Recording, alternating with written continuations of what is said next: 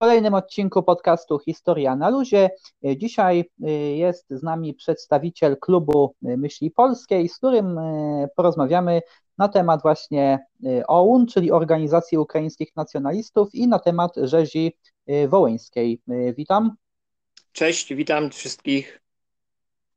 Miło mi. Witam.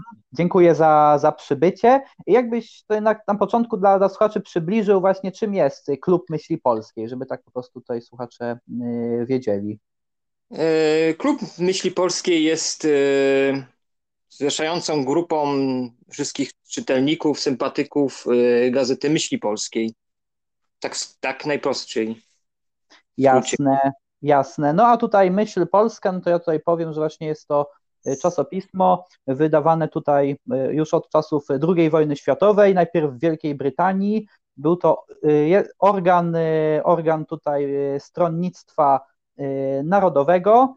No, po wojnie był dalej, dalej tutaj wydawany tutaj właśnie za granicą naszego kraju. No, w Polsce w czasach, w PRL-u, w czasach stalinizmu, no to myśl polska, to czasopismo było wpisane do wykazu ksiąg Y, zakazanych. Później po odwilży październikowej za jego tutaj czytanie groziły represje, no ale w latach 70. czy, czy 80., no to był on tutaj już, już ta, ta jego dostępność się po prostu w Polsce zwiększyła. Jego kolportażem y, w tamtym czasie zajmowało się y, Stowarzyszenie PAX właśnie.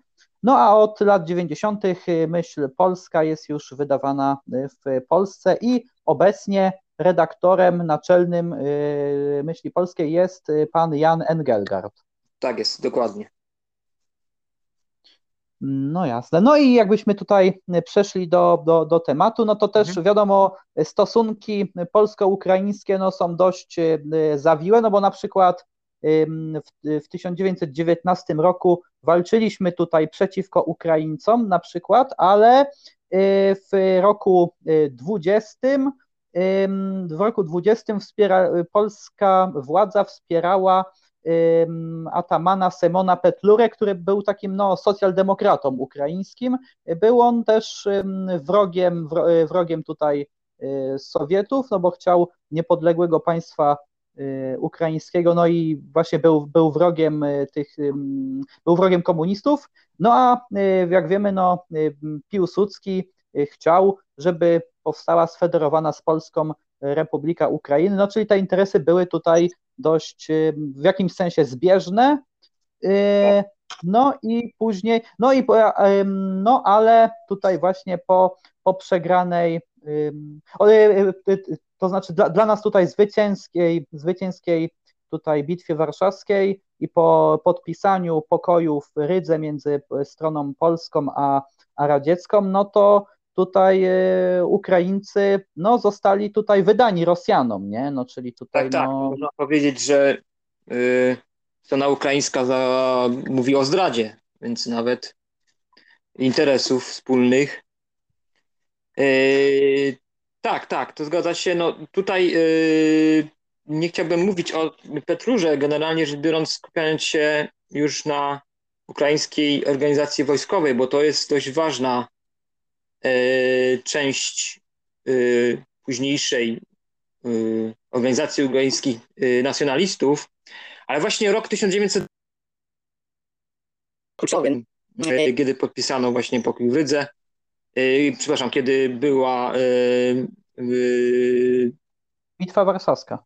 Tak, tak, Wojna polsko-bolszewicka, tak. Tak, i w tym czasie w Pradze duża część działaczy narodowych, nacjonalistycznych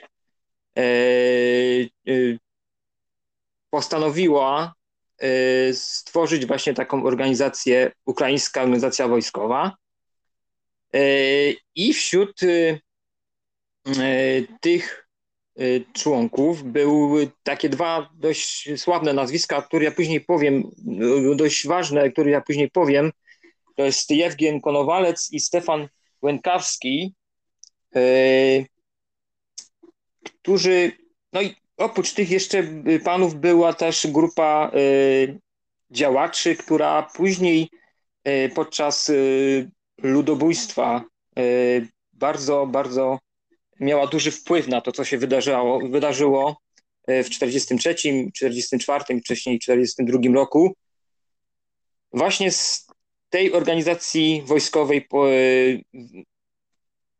były te osoby, które miały bardzo duży wpływ na to, y, jak później wyglądała, wyglądały relacje nasze. Y, I może przejdźmy teraz do, do powstania OUN, bo to. Jasne. Mhm. OUN to jest organizacja nacjonalistyczna, polityczno-wojskowa, Ukraińska Nacjonalistyczna Organizacja Polityczno-Wojskowa, która kierowała się zasadą nacjonalizmu, e, dążyła do zbudowania na ziemiach e, uznawanych przez nie ukraińskie niepodległego państwa e, o ustroju faszystowskim. Musimy wiedzieć, że w latach 30. Europę zalewała fala nowego, nowej, do, nowego ustroju, nowej ideologii, fala właśnie faszyzmu. Praktycznie każdy kraj europejski e, miał e, ugrupowanie, które nawiązywało do e, faszyzmu włoskiego, bo to tamtego, tamtej moment, tamtym miejscu się to zaczęło wszystko. No tak, właśnie, tak, choćby Ustasze, choćby Ustasze na przykład w Chorwacji, nie? Tak, dokładnie, w Chorwacji. Polska również miała ugrupowanie faszystowskie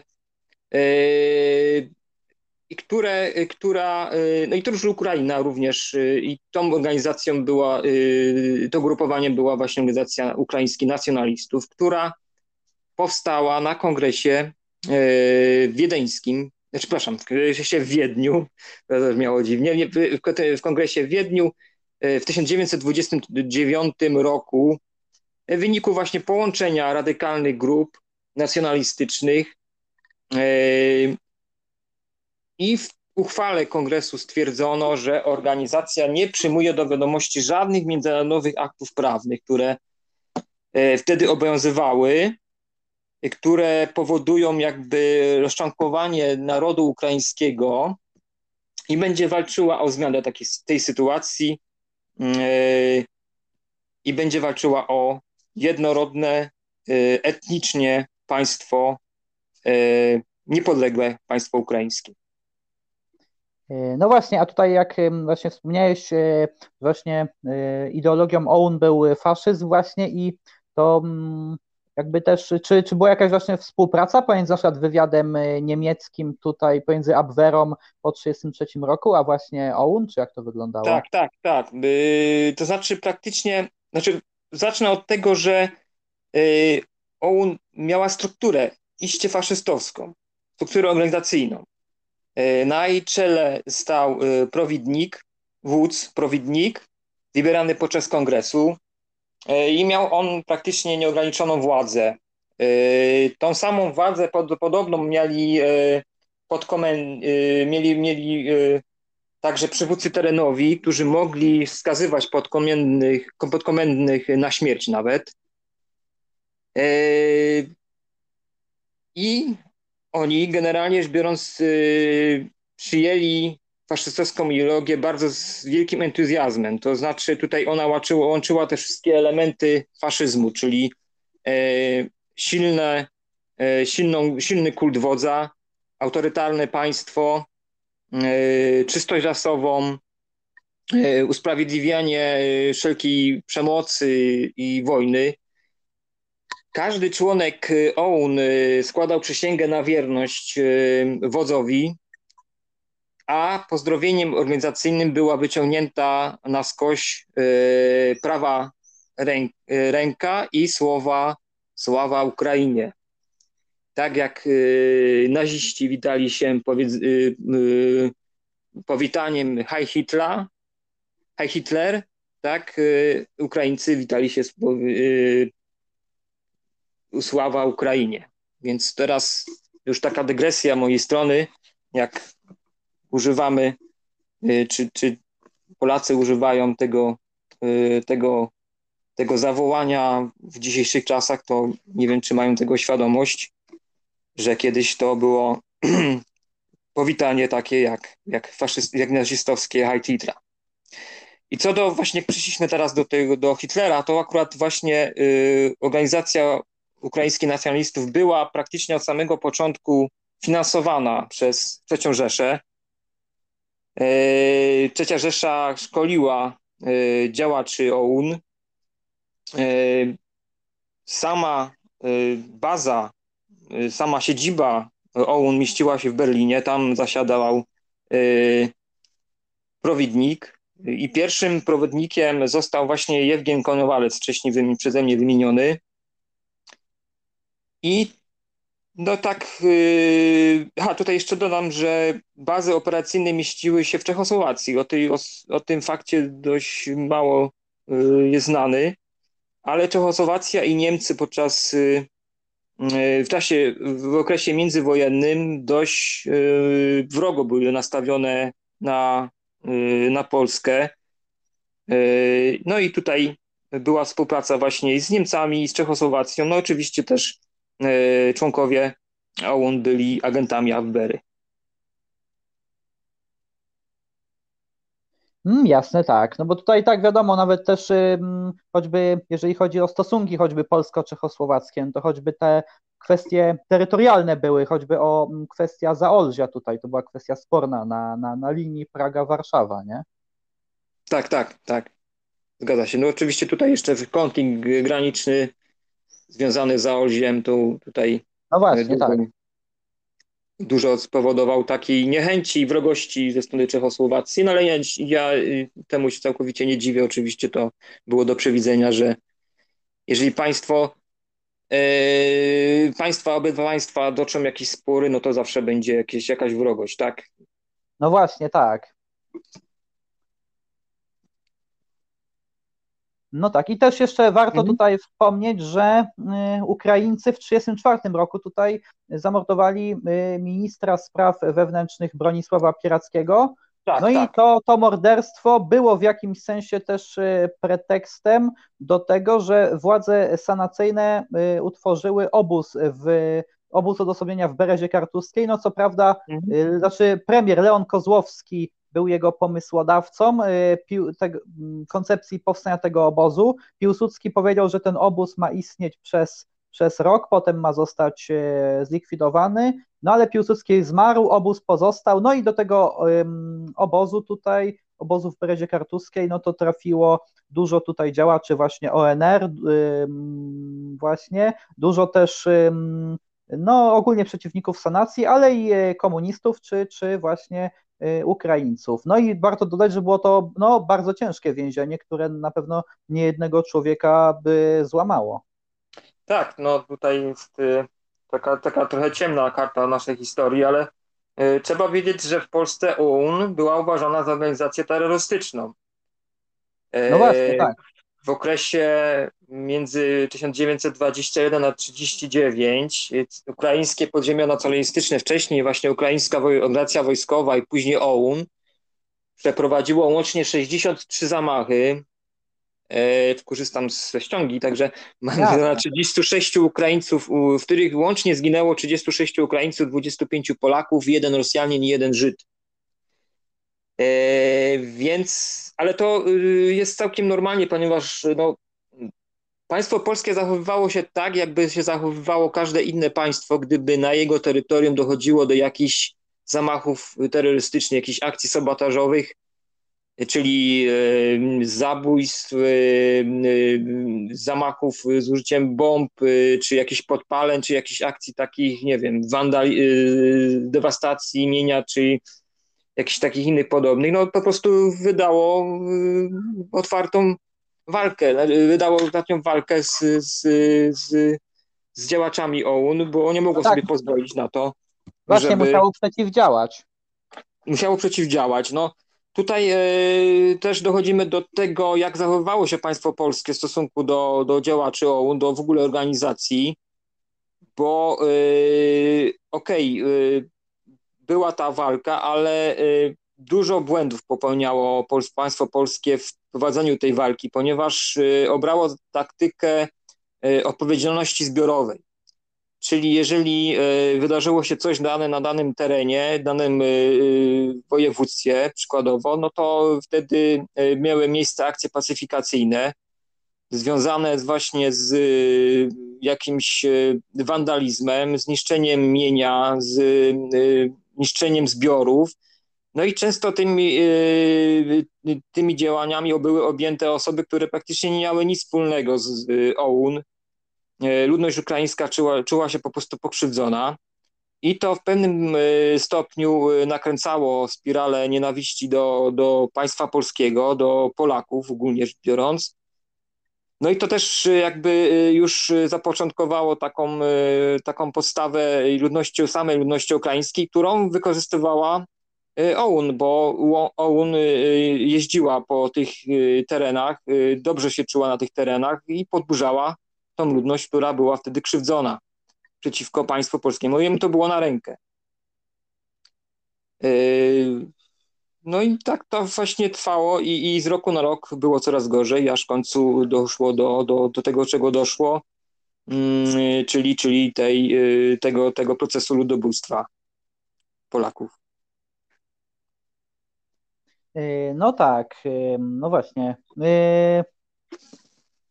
No właśnie, no i tutaj też jeszcze wspomnę, że właśnie tak jak pan, pan tutaj mówił właśnie o Jewchenie y, Konowalcu właśnie, no to no to właśnie on został też jeszcze przed wojną zamordowany tutaj, nie? Przez radzieckiego y, agenta Pawła tak, Przez agenta. Ja, ja może y, przedstawię kilka postaci związanych z OUN-em, które, które są bardzo kluczowe na, ze względu na działalność i, i ze względu na na, na samą fun samo funkcjonowanie, które później przełożyło się na to, na to co, się, co się wydarzyło. Ja no myślę, że tutaj y, takim najważniejszym, znaczy najważniejszym, y, taką zna, znaczącą postacią był Dmytro Doncow, polity, y, pisarz, dziennikarz, y, działacz polityczny, który y, tłumaczył dzieła Mussoliniego i Hitlera na język ukraiński. Był głównym ideologiem nacjonalizmu ukraińskiego, e, stworzył e, założenia, całe koncepcję nacjonalizmu, przyjętą właśnie przez UON w latach 30. jako podstawę ideologiczną ich działalności. E, Doncow namawiał w swoich pismach do, do, do postaw skrajnych, fanatycznych, opierających się na przemocy. Stworzył doktrynę Mm, e, która opierała się na darwinizmie społecznym. E, ta doktryna zakładała, że naród jest gatunkiem, który walczy y, o miejsce dla siebie, potępiając inne, słabsze gatunki. E, czyli dochodzi do walki i eliminacji tych słabszych kosztem silniejszych. Naród dla był wartością najwyższą, najważniejszą od Boga. Yy, zmarł, Doncow zmarł w 1973 roku w Montrealu. Ja tutaj przy postaci podam miejsca śmierci i daty, bo to jest bardzo ważne, bo Jasne. duża część działaczy OUN po wojnie uciekła za granicę. W większości do Stanów Zjednoczonych, Niemczech, do Stanów Zjednoczonych czy do Kanady. Trzeba wiedzieć, że w Kanadzie E, mamy dużą diasporę e, ukraińską. E, I, i uciekając, przed, uciekając przed tak naprawdę odpowiedzialnością, żyli sobie po prostu spokojnie i spokojnie sobie umierali, nie podnosząc żadnej właśnie odpowiedzialności. Nikt nie pociągał tych ludzi, nikt nie ścigał. No i, i też właśnie... niektórzy współpracowali z wywiadami różnych państw tutaj. Różnych Zachodnich. państw, tak, tak, dokładnie. Z amerykańskimi, z angielskimi, z niemieckimi, wcześniej już powiedziałem. E, I Doncow właśnie umarł w Montrealu, spokojnie sobie żyjąc. E, kolejną ważną postacią tutaj jest e, wcześniej przeze mnie wspomniany pan działacz ukraiński Stefan Łękawski. On zasłynął się stworzeniem, napisaniem dekalogu ukraińskiego nacjonalisty. To jest bardzo ważny dokument. Y, konstytucja, swoista konstytucja każdego ukraińskiego nacjonalisty. fundament w kształtowaniu się ideologii i formowaniu światopoglądu każdego praktycznie członka OUN. Wszyscy musieli znać ten dekalog na pamięć.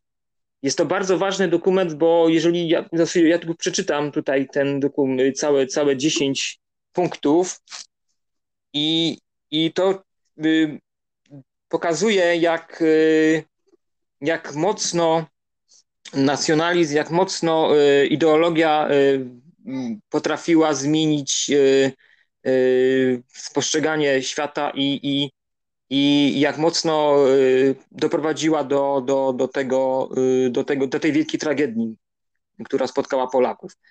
Treść dekalogu powstała w wersji, powstała w latach, końcem lat 20., w latach 30. została zmieniona trochę, jakby troszeczkę złagodzona, ale, ale to i tak nie zmienia faktu, że, że no brzmi to trochę naprawdę przerażająco.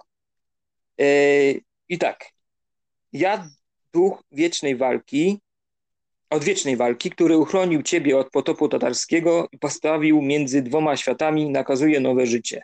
To są słowa y, Dmitro Doncowa akurat. Pierwsze, zdobędziesz państwo ukraińskie albo zginiesz walcząc o nie. Drugie, nie pozwolisz nikomu splamić sławy ani czci twojego narodu. Trzecie, pamiętaj o wielkich dniach naszej walki wyzwoleńczej. Czwartej, bądź dumny z tego, że jesteś spadkobiercą walki o trwałę trójzęba Włodzimierzowego. Piąte, pomści śmierć wielkich rycerzy. Szóste, o sprawie nie rozmawiaj z kim można, ale z kim, z tym, z kim trzeba. Siódme, nie zawahasz się dokonać najniebezpieczniejszego czynu, kiedy tego wymaga dobro sprawy. W pierwotnej wersji brzmiało to tak, nie zawahasz się dokonać największej zbrodni. Ósme, nienawiścią i bezwzględnością, bezwzględną walką będziesz przyjmował wroga twojego narodu. W pierwotnej wersji brzmiało nienawiścią oraz postępem będziesz przyjmował wrogów twojego narodu. Dziewiąte, ani prośby, ani groźby, tortury, ani śmierć nie zmuszą cię do wyjawienia tajemnic. Dziesiąte, będziesz dążył do rozszerzenia siły, sławy, bogactwa i obszaru państwa ukraińskiego, i w pierwotnej wersji było dopisane nawet drogą ujarzmienia cudzoziemców. A więc czytając, y, no, troszeczkę przeraża ten tekst. Y, nie ma tu miejsca na jakiekolwiek miłosierdzie, humanizm czy jakiś litości. E, litości, solidarności. Tu każdy sposób jest dobry, czyli największa zbrodnia jest po prostu dopuszczana, dopuszczalna, e, była dopuszczalna, jeżeli mogła przybliżyć do stworzenia państwa ukraińskiego. Wroga trzeba było nienawidzić i walczyć z nim z każdych sił.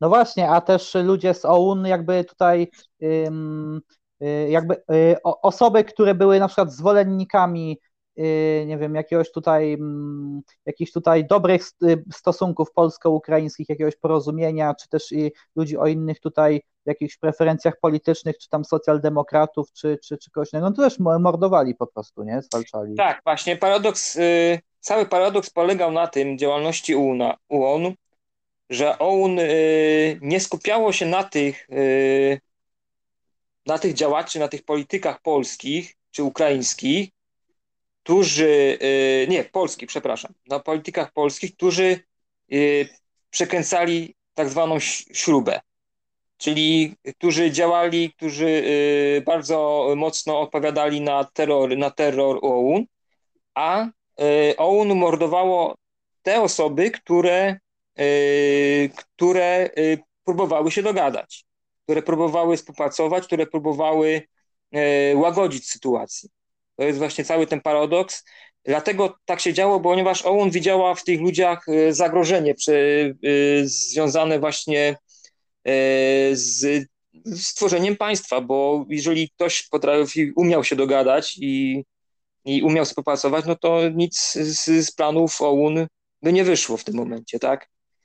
Więc oni, oni stali się e, jakby głównymi ofiarami e, tej działalności, no i między innymi e, E, tą ofiarą był e, minister spraw wewnętrznych e, Pieracki, Pieracki, tak? Hmm, tak. Bronisław Pieracki, tak, który, który, umarł, który zginął w zamachu 15 czerwca 1934 roku. Hmm, tak, zgadza się. I tu jeszcze chciałbym powrócić jeszcze do tych osób, które były ważne z punktu widzenia działalności OUN. To jeszcze, jak wspomniałem, ten Jewgien Konowalec, to był pierwszy właśnie przewodniczący OUN. Jak wspomnieliśmy tutaj, zmarł w 1938 roku w zamachu bombowym w Rotterdamie, zabity przez agenta NKWD, który nazywał się Paweł Sudopłatow. E, jego miejsce zajął e, Andrzej, e, Andrzej Mielnik, który zaraz tutaj też był agentem Abwery.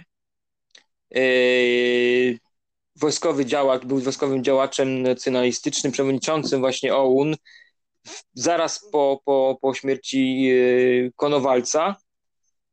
Mielnik zmarł we Francji w 1964 roku też nie, nie mając żadnych, żadnych problemów mm, z prawem. E, kto tu jeszcze był? No, Mikołaj Lebiet, to trzeba też jeszcze o tym powiedzieć.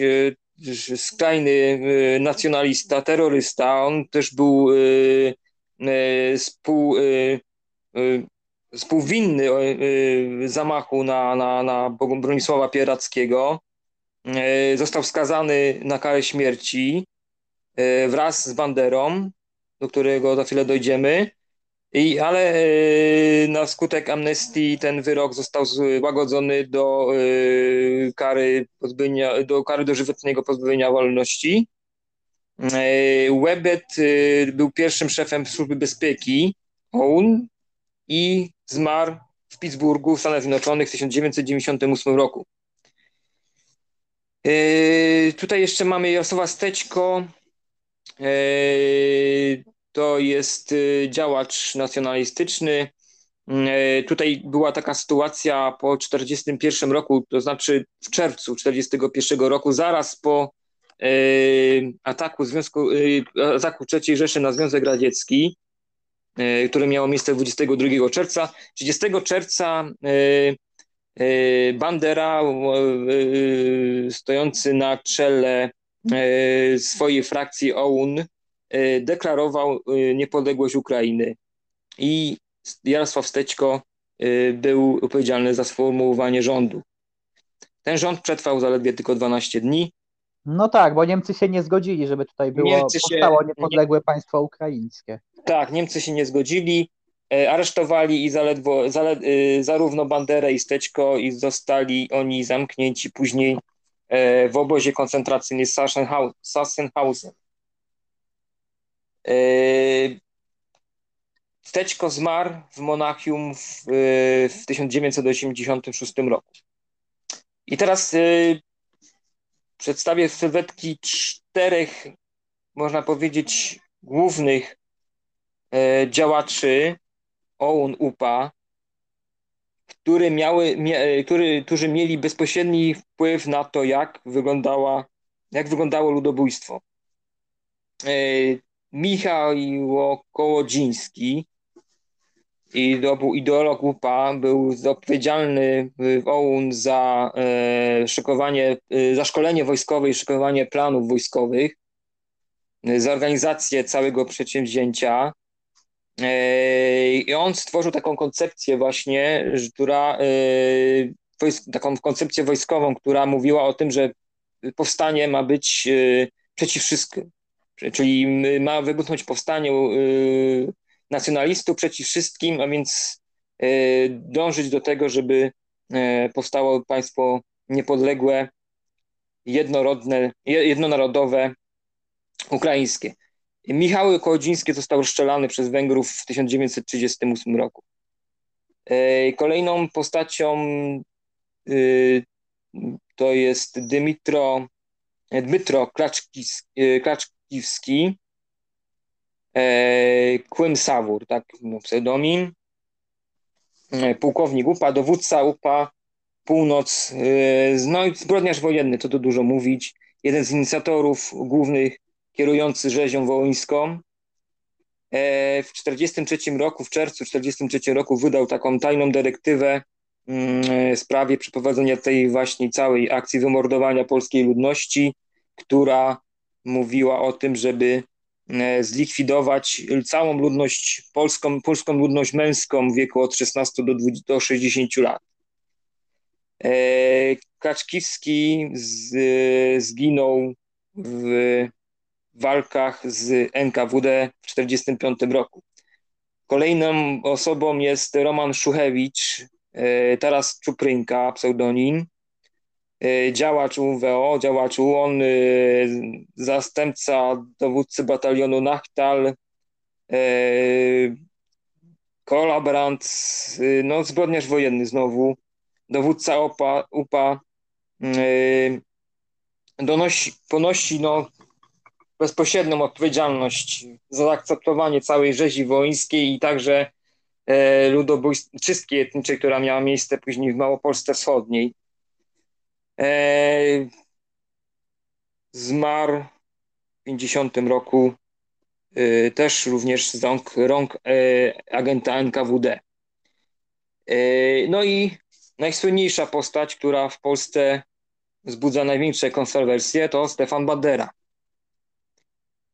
E, szowinista, e, poglądach e, skrajnych, nacjonalistycznych, faszystowskich, jeden z przywódców OUN, odpowiedzialny no praktycznie za całe ludobójstwo, mimo że i tutaj przeciwnicy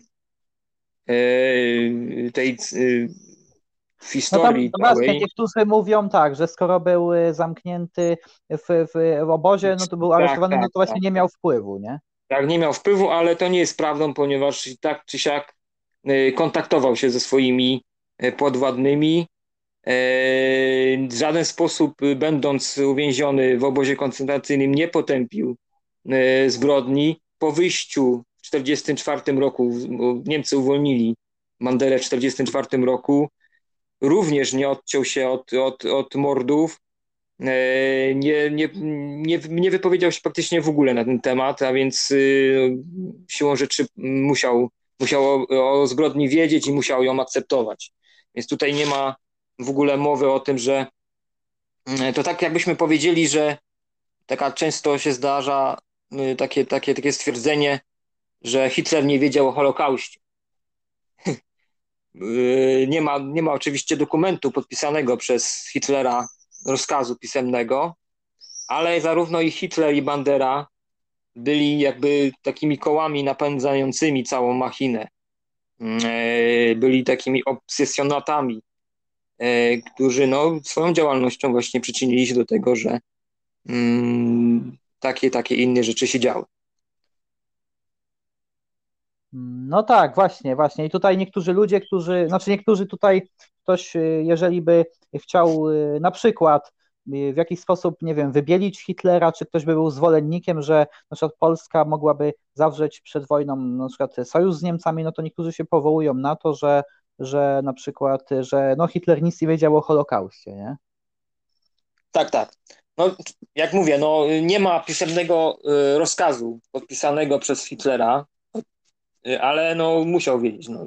Do niego musiały dochodzić przecież meldunki wojskowe, musiały dochodzić do niego wszelkie, wszelkie raporty, więc tutaj mowa o tym, że nie wiedział, no to jest po prostu coś całkowicie niedorzecznego. Jak w przypadku właśnie Bandery, który siedział w obozie koncentracyjnym, kiedy dokonywała się rzeź, no ale musiał o tym wiedzieć.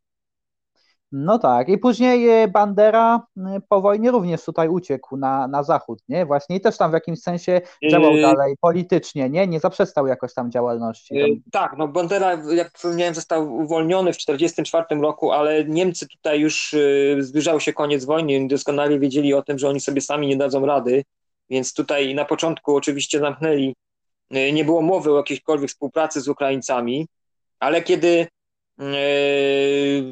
zaglądało im w oczy, y, zaglądała im w oczy porażka, y, próbowali tutaj tworzyć jakieś oddziały y, z Ukraińców, żeby im pomogli w walce.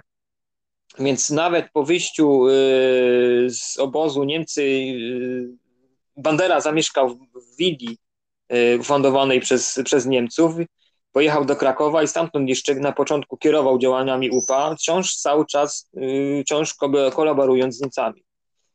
Więc tutaj żadnej mowy o, o tym, że, by, że przestał, czy, czy, czy, czy, czy, czy coś, że już skończył z tą działalnością, nie ma o tym w ogóle mowy.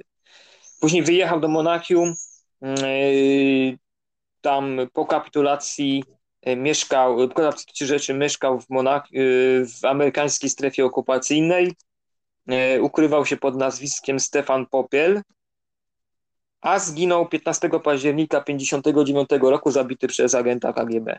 No właśnie, Bogdan Staszyński tutaj Bogdan, był, tym, Bogdan był tym agentem właśnie. Tak, dokładnie tak.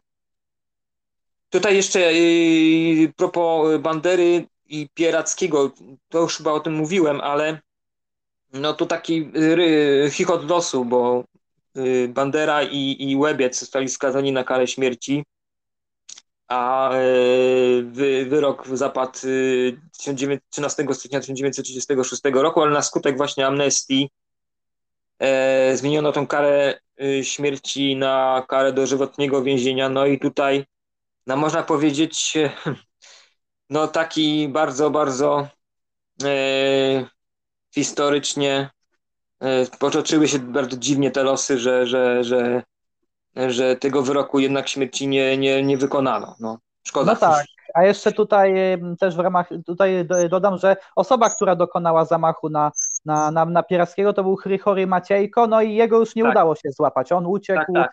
Tak, e, tak. Tam zmarł chyba w Argentynie, z tego co pamiętam. Tak, dokładnie. Uciekł e, najpierw do Czechosłowacji, czyli do państwa, które od samego początku było wrogie i tak zostało do samego końca, e, do wybuchu wojny. E, do, przepraszam, do, do, do 38 oczywiście.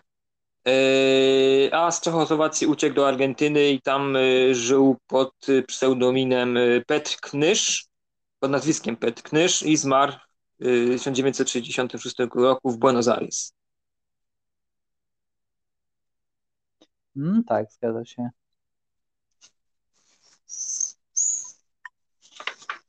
I co? No myślę, że teraz y, moglibyśmy tutaj porozmawiać o, o ważnym, y, troszeczkę się cofnąć w czasie i tutaj można by było troszeczkę powiedzieć o, o rozłamie WOUN, bo Jasne. to też y, ma duże znaczenie Y, w tym, co się później działo.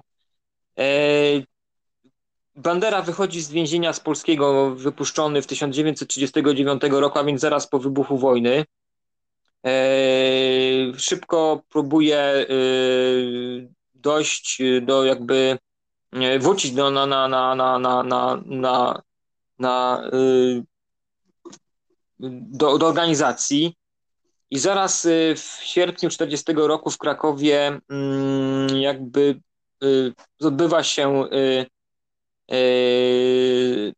zebranie OUN, członków OUN, które postanawia, postanawia stworzyć rewolucyjną frakcję OUN-B, oddzielić się od, od Mielnika, którego no, nie traktował poważnie Bandera tak naprawdę, bo miał dużo zarzut do Mielnika, że Mielnik działał tak troszeczkę e, zachowawczo w stosunku do Polski. Bandera tutaj od samego początku dążył do tego i, i twierdził, że, że z Polską trzeba walczyć zbrojnie i to trzeba walczyć zdecydowanie. Mm, więc razem z Banderą frakcja młodych działaczy y, postanowiła stworzyć jakby odrębną frakcję, i która, która tutaj no, była no, to tak, tak, tak rewolucyjna, skrajna, radykalna, rzecz powiedzieć. Oni nawzajem się zwalczali, te frakcje, i też frakcja Melnikowska i ta frakcja banderowska próbowała tutaj banderowska frakcja jakby całkowicie przejąć tych członków wszystkich, jednak to się nie udało, no i tu właśnie był ten, był ten rozłam, który i to jest dość, dość ciekawe, bo, bo Mielnik, obydwie frakcje dalej współpracowały z Niemcami i Mielnik traktował współpracę z Niemcami tak bardziej strategicznie, e, a Bandera bardziej instrumentalnie, czyli sądził, że jako wykorzystanie Niemców jako narzędzie do stworzenia państwa niepodległego. I tutaj właśnie to się przełożyło później na 1941 rok, kiedy 30 czerwca ogłosił tą deklarację powstania niepodległego państwa ukraińskiego.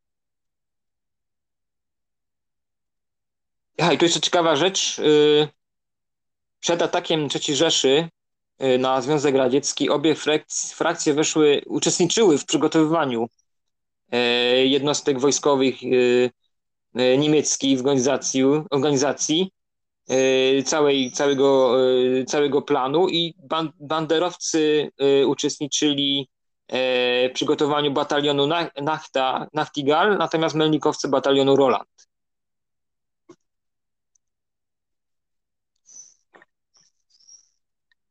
No tak, a tutaj jeszcze, gdy właśnie, gdy, gdy już rozpoczęła się właśnie druga wojna światowa właśnie, no to pomiędzy 39 a 41 rokiem właśnie, no to jakby jak, jak wyglądały te, te relacje jakby polsko-ukraińskie? Eee, między którym rokiem jeszcze raz będę słyszałem? E, no, między 39 a 41 rokiem. To jak właśnie wyglądały te, te relacje polsko-ukraińskie? No, no, praktycznie ich nie było żadnych, bo yy, tak naprawdę już w 1939 roku yy, w dniu wejścia, wkroczenia yy, wojsk sowieckich na tereny wschodnie polskie zaczęły się już mordy. Więc tutaj praktycznie nie było mowy o jakimś jakichś stosunkach, do jakichś próbowaniu, nie, to w momencie razu przy wybuchu wojny, zresztą nie wiem, czy oglądałeś film Wołyń, no, tak, oglądałem. tam od razu już y, jest taka scena, y, w której bohater mm, jest jakaś wieś, w tej wsi jest wykopany y, głęboki dół i w tym dole jest flaga polska, godło polskie, e, a nad tym y, takim y, grobem, umownym grobem stoi pop e, ukraiński i, i, i odprawia jakieś modły i y, mówi, że Polska już jest pogrzebana i Polski nie ma na tym terenach. I tak to właśnie wyglądało. Od razu Ukraińcy z OUN przechodzili do czynów.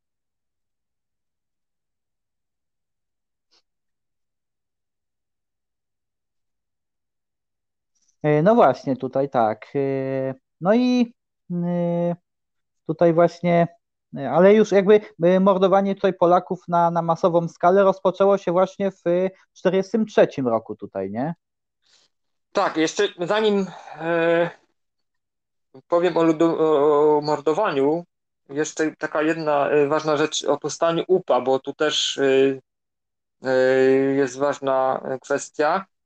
Zalążki UPA ona się nazywała Sić Poleska, stworzył w 1941 roku ataman Taraś Borowiec.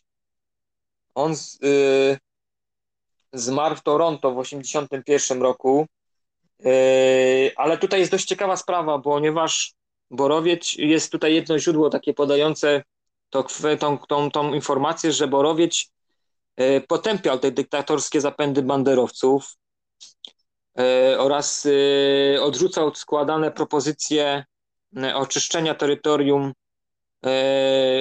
terytorium kresowych ukraińskich od, od ludności polskiej. Więc to jest dość ciekawe. I to nie spodobało się banderowcom, te, te przeciwstawienie się temu. I, i był, jedno źródło podaje chyba, że próbowano go nawet zabić. Także mm, w koniec końców w 1942 roku formacja e, UPA, czyli Ukraińska Powstańcza Armia, e, została już przejęta całkowicie przez e, frakcję banderowską UON i, i, i była, była nią kierowana. No i obok OUN UPA jest współodpowiedzialna za zorganizowanie i przeprowadzenie ludobójstwa polskiej ludności cywilnej na Kresach. I jeśli chodzi już o ludobójstwo, to tutaj mm, niektórzy sobie zadają pytanie, dlaczego. I dlaczego akurat Wołyń, dlaczego akurat Małopolska Wschodnia. Tutaj przede wszystkim trzeba powiedzieć to jasno, że ludobójstwo to nie jest tylko Wołyń.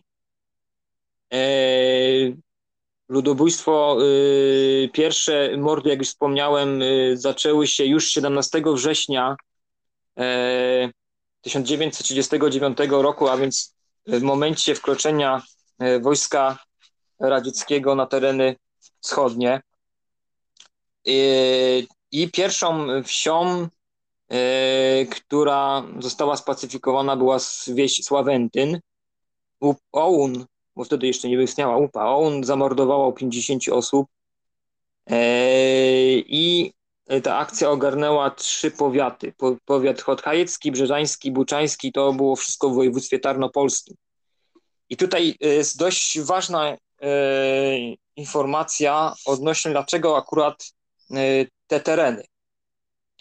Jak popatrzymy sobie na mapę e, II Rzeczpospolitej, na kresy, na, na, na województwa wschodnie, czyli kresowe, to mieliśmy sześć województw.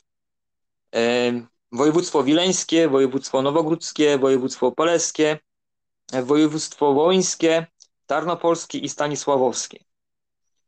E, z tych sześciu e, województw, e, pierwszych dwóch, wileńskich i nowogródzkich, Polacy stanowili większość. Tu były jeszcze narodowość białorus białoruska. W Polskim mieliśmy większość białoruską i byli już mieszkańcy, była już ludność ukraińska w mniejszości, tam 17%. Natomiast w województwach wołyńskim i tarnopolskim i stanisławowskim Ukraińcy stanowili już większość. Z tym, że w województwie tarnopolskim y, y, ta liczba mieszkańców mniej więcej się równała, bo Ukraińcy mieli tam 49,9%, Polaków było 44,9%, ale już w województwach wołyńskich i stanisławowskim y, ta liczby, te, te liczby są już bardzo, bardzo, bardzo się różnią. I tak w Wołyńskim mieliśmy 68,4% y, ludności ukraińskiej, Polaków było zaledwie 16%, y, a Stanisławowski mieliśmy 69% Ukraińców, Polaków 22%. Tutaj jeszcze uwaga, po wkroczeniu Sowietów ta liczba Polaków znacznie się zmniejszyła, a z tego względu, że E, duża część została wywieziona e, na Syberię. E, Ziemia, generalnie rzecz biorąc, cała, mm, cała arystokracja, czy tam całe zostało, no, arystokracja, że powiedziałem. No, cała ta, ci, którzy no, ziemiaństwo no, zostało... ci, którzy tutaj, tak, zostali... Tak, tak, no chodziło o to... Wywiezieni tutaj właśnie. Tak, tak, no i, i, zamordowani, tak, już y, tak. na miejscu. No a część została, część y, po prostu uciekła. Y, więc tutaj te proporcje były jeszcze inne i z, z siłą rzeczy po prostu na tych województwach, kiedy ludność ukraińska stanowiła większość, no dlatego mamy tutaj odpowiedź, dlaczego akurat w tych województwach miało miejsce ludobójstwo. No właśnie, w zależności od, w zależności od e, zróżnicowania tutaj e, tego e, etnicznego, właśnie te, te jakby prądy nacjonalistyczne w jednych miejscach były słabsze, a w drugich silniejsze, nie? Tak, tak. Tylko pamiętajmy cały czas o tym, że UON działała bardzo skutecznie. Ona podburzała cały czas chłopstwo, podburzała w sposób no, różny, różny, nawet szantażem. E, więc e, e, i, i ta niechęć cały czas, ta spirala nienawiści cały czas się nakręcała. No i duchowni ukraińscy tutaj, nie? No i tutaj tak, oczywiście tak, tutaj nie można, nie można o tym zapominać, bo kapłani grekko-katoliccy tutaj się do, tego, do tej zbrodni bardzo przełożyli, ponieważ błogosławili oddziały chłopów idących na, na, na rzeź. idących mordować. O.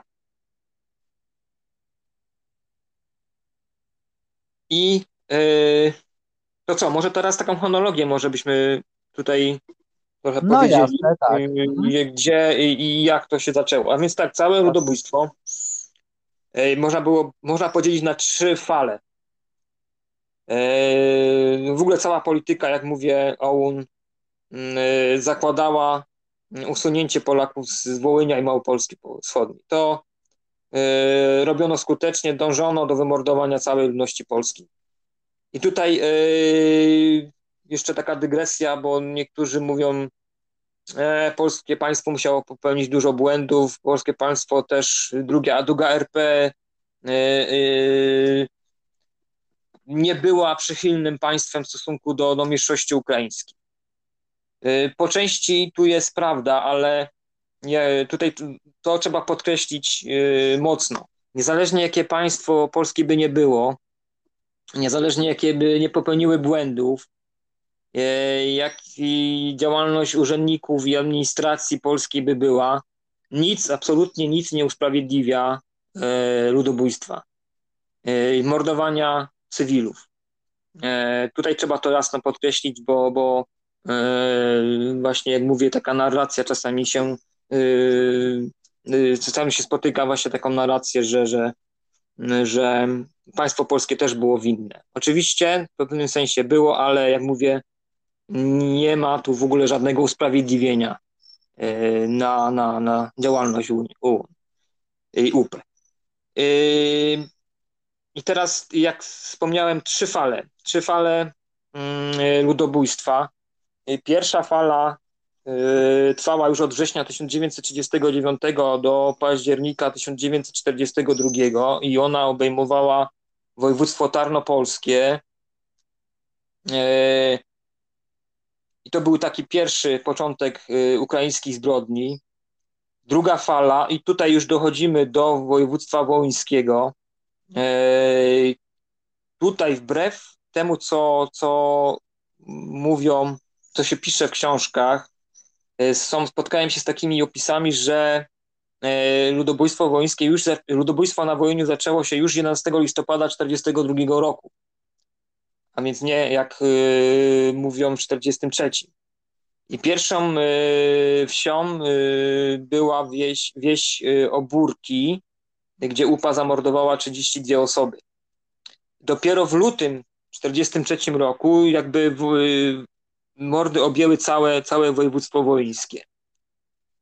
No i tutaj mogę przedstawić trochę Mm, faktów odnośnie y, takich no, dość znaczących, dość szokujących y, zdarzeń, które miały miejsce.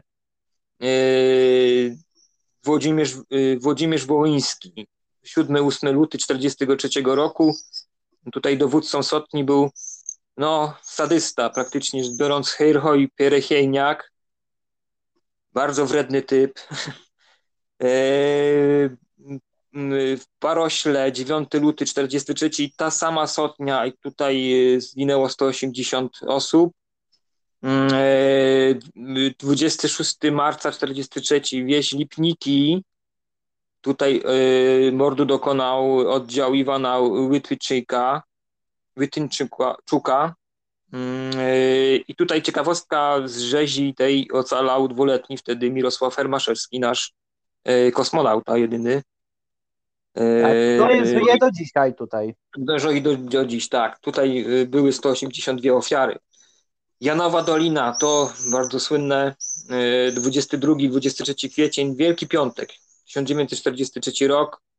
Ten sam, do, sam y, dowódca, co wcześniej w Lipnikach y, oraz też Sotnia Perychniajka i tutaj zabito 600, y, o, tu jest, mamy 600 ofiar. Y, Później mamy chruby, 2 czerwiec 43, zabito 20, 250 osób.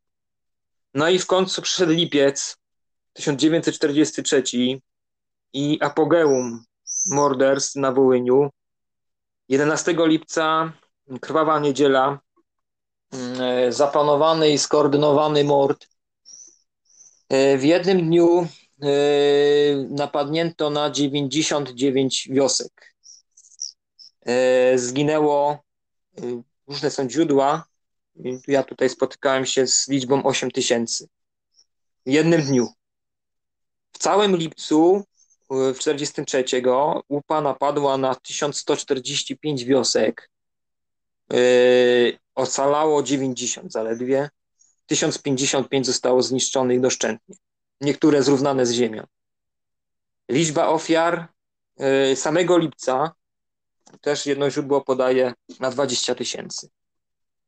A wiadomo e, też, jeszcze tylko dodam tutaj, że no wiadomo, że jakby no nie wszyscy Ukraińcy byli zwolennikami właśnie UPA i ci Ukraińcy, którzy y, jakby no pomagali Polakom podczas y, tej rzezi, to również przez UPA byli y, te, brutalnie mordowani tutaj, nie? Tak, tak. Ja tutaj taką ciekawostkę znalazłem profesora Grzegorza Motyki, znany badacz ludobójstwa i on y, powiedział coś takiego, że statystycznie według działań OUN UPA na Galicji Wschodniej i w, w Galicji Wschodniej i na Wołyniu zostało zamordowanych około 100 tysięcy. On taką liczbę podaje, tutaj y, liczba jest, y, naukowcy różną liczbę podają, ale on podaje 100 tysięcy, około 100 tysięcy Polaków.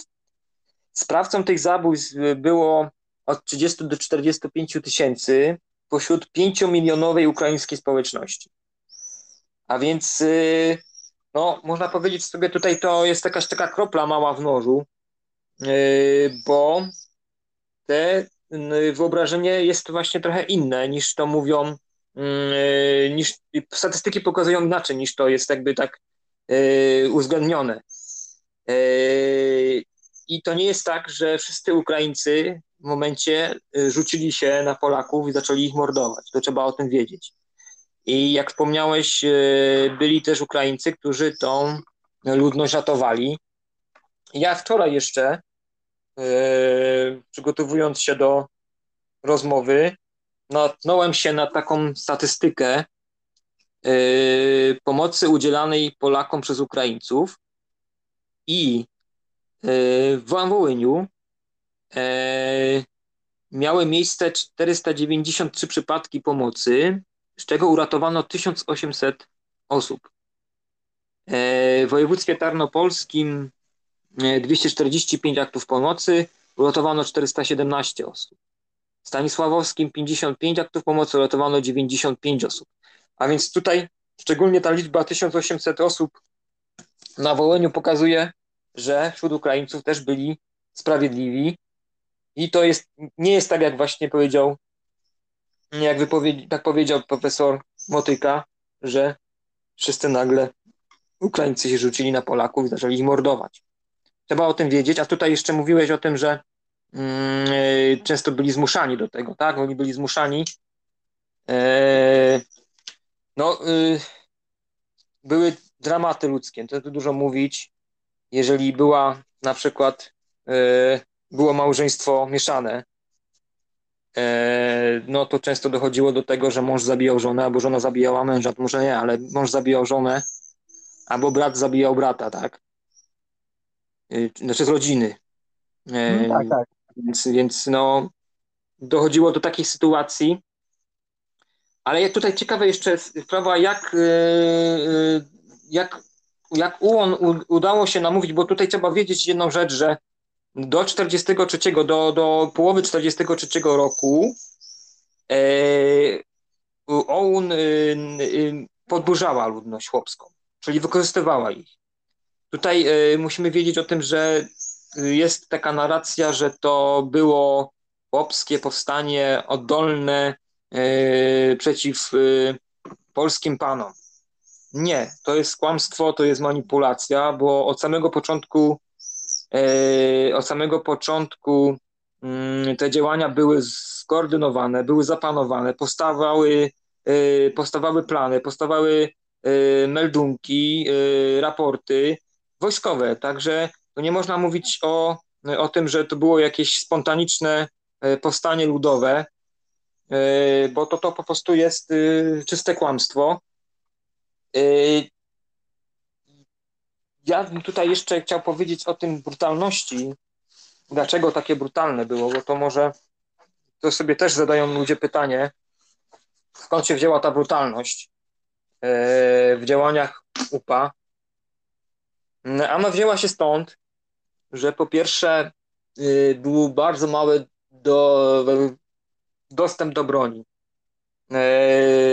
Po drugie, takie było założenie wspomnianego ode mnie przez wcześniej Kołodzińskiego, który wymyślił sobie, że jeżeli y, te mordy wszystkie będą bezwzględne, brutalne, okrutne, a był przekonany o tym, że, że y, państwo polskie jest silne. Jak tutaj patrzymy sobie na, na, tą, y, na te liczby ludności, no to to jest fałsz, no bo po prostu tutaj Ukraińcy byli w większości, więc jak mogli, mogło być państwo silne, ludność mogła mieć, Polska mogła mieć jakie, jakiekolwiek tutaj zabezpieczenie, jak, jak, jak przecież oni byli w mniejszości, więc tutaj nie można o czym, takim czymś mówić.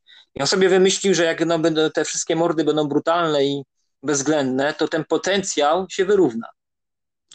Eee, że im bardziej e, będzie e, brutalni, ostrzej, tym Polacy będą przerażeni i e, UPA ukryje że to jest zorganizowane, czyli wszystko szło w kierunku tego, żeby przedstawić mordy jako powstanie chłopskie, a nie zbrojna akcja wojskowa. I chciałbym tutaj jeszcze zacytować pana Kołodzińskiego, bo on sam mówi o tym, że to było powstanie zorganizowane. Trzeba może krwi, Dajmy może krwi, trzeba terroru uczynić go piekielnym, trzeba ofiarować dobra materialne, nie zostawimy sobie niczego. Mając na celu wolne państwo ukraińskie, idźmy doń wszystkimi środkami i wszystkimi szlakami. Nie styczmy się mordów, grabieży i podpaleń. W walce nie ma etyki. Etyka na wojnie to pozostałości niewolnictwa narzuconego przez zwycięzców zwyciężonym. Nie, daj, nie dbajmy o dobre imię i opinię w świecie, no dość ciekawe, bo choćby byśmy byli nie wiadomo jak ideowi w swojej walce, wszyscy nazwać, yy, nazywać nas będą bandytami. Każda droga, która prowadzi do naszego najwyższego celu, bez względu na to, czy przez ich nazywana jest heroizmem czy podłością, jest naszą drogą. Wygramy tylko wtedy, gdy wykażemy się okruceństwem takim, że jeszcze dziesiąte pokolenie Polaków będzie się bało patrzeć w stronę Ukrainy. Musimy być okrutni, bo inaczej nie stworzymy wyrażenia kozackiego wystąpienia chłopskiego. A więc tu się przyznaję do tego, że plan był y, przedstawić y, mordy jako powstanie chłopskie, a nie jako, jako zorganizowana akcja wojskowa. No i też, no tak, no bo wtedy on chciał po prostu, tak, jak ci ludzie, którzy tak jakby twierdzili, że to było powstanie chłopskie, no to chcieliby dać taką jakby legitymację, że tutaj no, no chłopi zbuntowali się przeciwko Polakom, bo, bo mieli ich dosyć, jakby, że to było tak. spontaniczne, bo, bo ich długo nienawidzili i po prostu, yy, no i tak to właśnie wyglądało. No ale tak. też y, warto tu dodać, że nawet tutaj niektórzy Niemcy, SS-mani byli zszokowani tutaj y, tak, tak, tak, okrucieństwem. UPA tutaj, nie? Tak, o tym mówi inna, inna badacz, inny badacz historii, pani Ewa Siemaszko. Ona właśnie mówi o tym, że ofiary były zabijane głównie za pomocą narzędzi gospodarskich, takich właśnie jak siekiera, widły, kosy, noże, e, a broń palną posiadały bojówki e, OUN i UPA, e, a chłopy właśnie posiadały tę broń taką gospodarską i stąd ta brutalność, ta brutalność i tutaj Niemcy byli strasznie przerażeni tym, tym co się działo. Yy, ona twierdzi, że Niemcy i Sowieci też dokonywali mordów, ale nie na taką skalę, jak, jak, jak to miało miejsce właśnie yy, z rąk yy, OUN i UPy. Więc no, trudno, trudno tutaj w ogóle o jakąkolwiek pomyśl, pomyśleć o jakimkolwiek racjonalnym jakimś kierowaniu się. No to po prostu była dzicz tak naprawdę. No tak samo też Niemcy byli choćby zszokowani tam działaniem Ustaszy w Chorwacji, nie? Tak tutaj. Tak, tak, tak. Odbiegając od, od tematu. Na tym samym praktycznie poziomie się to działo. A jeszcze, ja chciałbym tutaj jeszcze przeczytać taką jedną, jeden fragment y, meldunku jednego z dowódców UPA, żeby y, słuchacze uzmysłowili sobie, brutalność i tą skalę nieprawdopodobnego ukróceństwa. I to opętanie tego tą ideologią to, są, to jest meldunek e, Jurija Stelmaszczuka, który został rozstrzelany w 1945 roku przez NKWD. I on pisze tak. 29-30 sierpnia z oddziałem, ja z oddziałem e, w sile 700 uzbrojonych ludzi, zgodnie ze wskazem dowódcy okręgu wojskowego Ołecha, totalnie wyrżnąłem całą polską ludność. Dokonałem grabieży całego majątku ruchomego i spaliłem jej mienie nieruchome. W sumie, w sumie powyżynałem i powystrzelałem ponad 5 tysięcy spokojnych mieszkańców, wśród których byli starcy, kobiety i dzieci. Po spędzeniu co do jednego wszystkich mieszkańców do jednego miejsca, otaczaliśmy ich i zaczyna, zaczęliśmy rześć. Rzeź. Następnie, gdy już y, nie zostało ani jednego żywego człowieka, kopaliśmy głębokie jamy, rzucaliśmy w nie wszystkie trupy, zasypywaliśmy ziemią i aby ukryć ślady, zapaliliśmy ogromne ogniska i szliśmy dalej. W ten sposób przechodziliśmy ze wsi do wsi. No, tak to, tak to wyglądało. A jeszcze y, też y, y, profesor Motyka o tym też wspomniał. I też pojawiły się takie meldunki, to było chyba bodajże właśnie z Krowej Niedzieli, y, że y, w jednej miejscowości akcja y, jest dobrze zrobiona, w drugiej miejscowości akcja została przeprowadzona, czwartej, trzeciej miejscowości dostatecznie, a w piątej, czwartej miejscowości pomagała na, pomagali nam y, chłopi. Także tutaj ten meldunek sam świadczy o tym, y, jaka to była akcja. No tak, no i też niektórzy zarzucają tutaj, że jakby e, Armia Krajowa tutaj słabo jakby, nie wiem, broniła, broniła tutaj e, Polaków, nie, przed Ukraińcami. Tak, tak, trzeba to jasno powiedzieć. E, o tym pisał Piotr Zychowicz w swojej książce Wołyń zdradzony. Eee, tak, e, proszę sobie wyobrazić, że e, do e, delegata rządowego, który się nazywał Kazimierz Banach, na Wołyniu dochodziły różne mm, głosy o tym, że mm, dzieje się źle, że Ukraińcy y, mordują, ale y, delegat rządu na okręg wołyński jakby całkowicie bagatelizował te ostrzeżenia i w ten sposób usypiał czujność y, centrali I można powiedzieć, że to jest taka czarna owca polskiego podziemia, który walnie przyczynił się do tego, e, że ta zdolność obronna ludności polskiej przed e, bandami UPA no, była bardzo mała. Co więcej, te jego wszystkie fałszywe raporty, które mówią o znikomej skali, dzisiaj służą spadkobiercom morderców no, szerzeniu tej kłamliwej narracji o tym, że, że w ogóle by wspomniało miejsce. No Także... tak, i propos tutaj, jeszcze też dodam tylko taką ciekawostkę może, że na przykład propos tutaj statystyk właśnie, jak gdy właśnie mają miejsce takie właśnie no y, okrutne właśnie zbrodnie wojenne, tak jak no choćby masakra y, w Nankinie, gdzie tutaj wojska y, japońskie tutaj na mhm. przełomie 27 i 8 roku, w przełomie tam no, kilku tygodni, wojska no, dokonały masakry miejscowej ludności chińskiej. No i rząd chiński dzisiaj e, podaje, że było to 300 tysięcy Chińczyków, y, Japończycy zamordowali dość, y, dość, y, dość brutalnie tutaj też.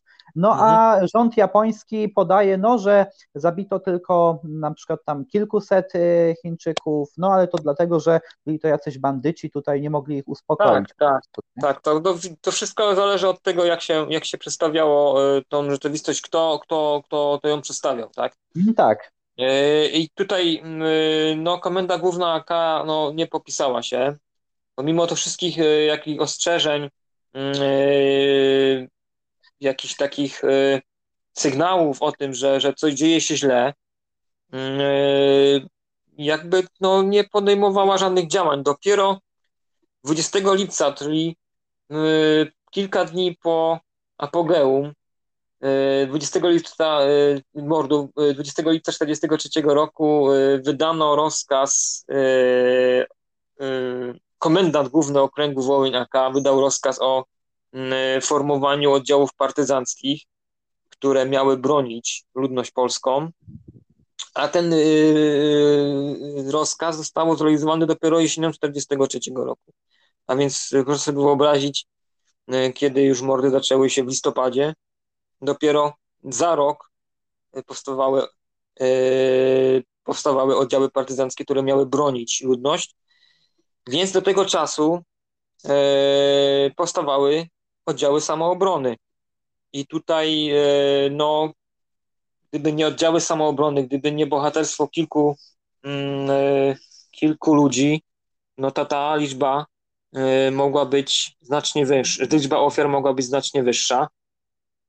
E, czy w ogóle ta, tej możliwości obrony było niewiele, no bo trzeba tu wiedzieć o tym, że mieliśmy, znaczy Polacy mieli tą niemiecką administrację nad, nad głowami. Była też partyzantka sowiecka, E, więc no, często dochodziło do takiej sytuacji, że Polacy byli między młotem a kowadłem. Więc e, nie było za bardzo do kogo się e, o pomoc zgłosić. Mm, więc to jeszcze mm, przyczyniło się do tego, że, że tyle, tyle, tyle Polaków zginęło z rąk Ukraińców.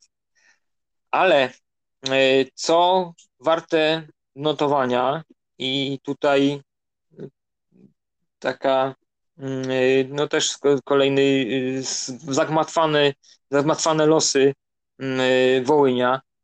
Jest taka sytuacja, że ludność, która przeżyła jakąś jakąś czystkę, od razu uciekała do miast. W miastach stacjonowały garnizony niemieckie, i tutaj Niemcy tą sytuację też wykorzystywali, ponieważ część e, została tych złapanych, znaczy tych, no, tych ocalałych, która przybyła do tych miast, część została wysyłana na roboty do, do III Rzeszy, no, a część została. No, ci niektórzy dowódcy niemieccy, oni po prostu byli przerażeni, jak zobaczyli, co się dzieje. I tutaj jeszcze e, taka sytuacja e, jest miała miejsce, że Ukraińcy w 1942 roku, kiedy załamał się front sowiecko-niemiecki na przełomie 1942-1943, e, dali sygnał do tego, żeby, żeby, żeby wybuchło powstanie. I duża część Ukraińców dezertowała z, z jednostek policji porządkowej, Y, tak zwanych Schutzmannsstaff batalionów y, i Niemcy, aby zapewnić, bo trzeba wiedzieć, przez, przez Wołyń szły, szedł szlak, główny szlak zaopatrzenia frontu, więc Niemcy nie mogli sobie pozwolić, przepraszam, na to, żeby na tyłach frontu, na, na, na głównej drogach zaopatrzenia była miejsce jakaś rewolta jakieś, jakaś, jakaś, jakaś rewolucja. Także Niemcy, żeby uzupełnić skład policji porządkowej, wciągali w te oddziały Polaków.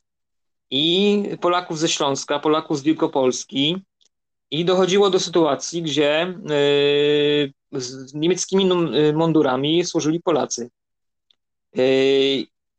Zychowicz chyba napisał nie wiem, czy to jest prawda, napisał, że też y, mm, te oddziały y, niemieckich mundurach, Polacy y, dokonywały, dokonywały odwetu.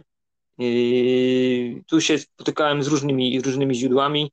Mm, jeden mówi, że właśnie były takie miejsca, drugi że, że nie miało, ale w każdym razie Niemcy jakoś próbowały pomóc w tym sensie właśnie tworzenia tych oddziałów przede wszystkim. E, a druga sprawa też e, Niemcy dozbrajali e, oddziały samoobrony. O tym mało kto wie, ale na przykład taka historia dowódcy samoobrony w Przebrażu, Ludwik Malinowski, pseudonim Lew, On bardzo dobrze znał język niemiecki i dobrze znał urzędników niemieckich i udało mu się zdobyć broń z demobilu od Niemców i dzięki tej broni udało mu się no, walczyć z Ukraińcami i, i, i ocalić. No, mówi się, że przebraże mm, ocaliło 20 tysięcy Polaków. Także to jest taka, taki przykład mm, na to, jak y, Niemcy mm, no, pomagali Polakom, tak można powiedzieć. No tak. No i tutaj ludobójstwo trwało do 1944 roku właśnie, nie? Yy, jeszcze tutaj, zanim jeszcze do tego ludobójstwa do, yy, wrócę, ale ja bym tutaj jeszcze o tych miejscach samoobrony powiedzieć, bo oprócz yy, Malinowskiego, który był partyzantem AK, jeszcze dwóch zasługuje na, na, na uwagę, dwóch, dwóch dowódców. To jest Władysław Czermiński, pseudonim Jastrząb, który nie był żołnierzem, to ciekawostka, nie był żołnierzem, był nauczycielem. I to był dowódca samoobrony w Zasmykach.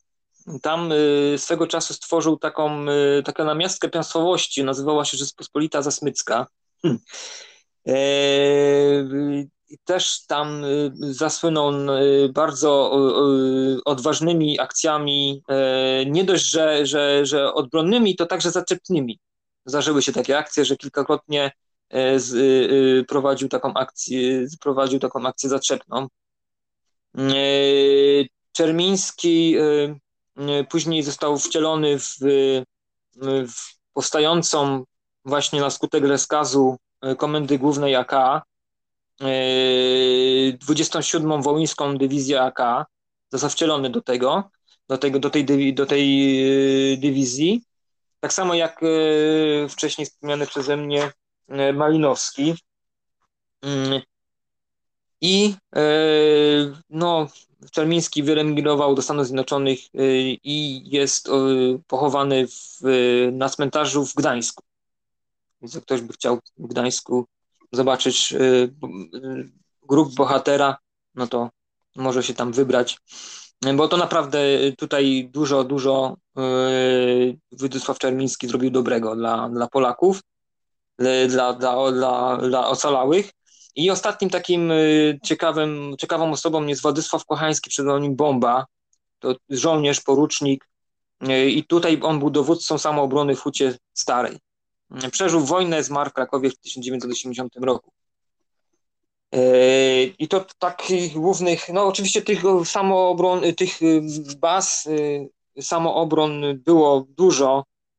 Jak popatrzymy sobie na mapę Wołynia, no tutaj mamy między innymi jeszcze mm, oprócz Przebraża, oprócz Zasmyków i tej huty starej, e, w Jagodzinach między innymi, w, w Kupiczu, w e, Rybcza, no te miejscowości może mało mówią, ale, ale jest tych e, punktów samoobrony dużo, więc to nie było tak, że mm, no oczywiście te pierwsze brodnie zaskakiwały Polaków,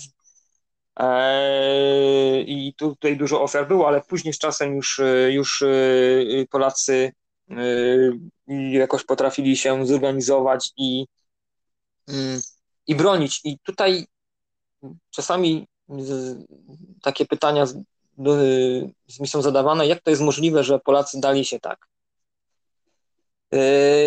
Ja taką teorię, znaczy teorię, nie czytałem o tym nigdzie źródle, ale myślę tak, chyba to w w filmie Wołyń też było, że e, we wsi mieszkała ludność ukraińska e, i e, OUN, OUN jakby przyjeżdżało i mówiło tak, słuchaj, my ci tutaj gwarantujemy, że twoja rodzina przeżyje, ale ty musisz powiedzieć Polakom, żeby się nie bali, że wszystko jest ok. Więc to była taka fałszywa flaga jakby i, i, i y, ten Ukrainiec później wracał do, do, do wsi i mówi Polakom, żeby wszystko było ok, że nie muszą się bać, mogą mi spać, wszystko będzie dobrze. No i tak jakby po prostu yy, okłamywał ich i w tym momencie yy, już później dochodziło do, do ataków.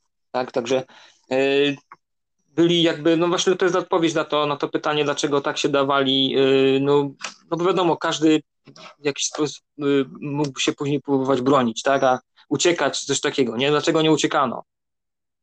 No ale właśnie to, to, to polegało na tym, że, że, że mm, Ukraińcy jakby ci, ci kupieni, tak powiem w cudzysłowie, byli właśnie takimi jakby, mm, że uspokajało ludność polską, że nic im nie grozi, wszystko będzie dobrze.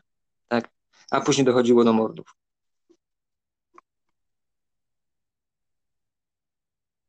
E, kontynuując jeszcze tą chronologię ludobójstwa teraz, tak? A jeszcze, o, też jeszcze ciekawą rzecz mi się teraz tutaj jeszcze przypomniała, no bo y, jak namówić ludność ukraińską do tego, żeby zamordować swojego sąsiada? Bo to też jest ważne. Mm, no i tutaj, y, no bo część ludności ukraińska była niepismenna, tak? Nie, no to ona nie czytała tych wszystkich pism, nie czytała dekalogu, nie znała się praktycznie rzecz biorąc na tym. Więc jak namówić e, chłopów do tego, żeby sięgnęli po siekierę? Ano w ten sposób, że często zdarzyło się, że we wsi Polak miał na przykład e, dom murowany, pokryty drewnem, a sąsiad Ukrainiec miał dom pokryty strzechą. Polak miał wiaderko ocynkowane, a y, Ukrainiec miał wiaderko drewniane. Polscy, polskie dzieci chodziły w butach, w fodakach, a ukrainieckie, ukraińskie dzieci chodziły boso. Więc UPA dość często takich y, najbardziej prostych tutaj się wczytała sposobów, Słuchaj, zabijesz go, dostaniesz wiaderko, będziesz mieć dom, będziesz mieć jego gospodarstwo, będziesz mieć jego krowy, będziesz mieć jego wiaderka, będziesz mieć to, co on ma, to jest twoje. Tylko wystarczy, żebyś go zabił. No i tak właśnie yy, to, to funkcjonowało. Dopiero później, jak już wspomniałem, w 43, połowie 43 była już ta mobilizacja taka yy, iście wojskowa yy, do tych oddziałów, ale wcześniej to polegało właśnie na tym.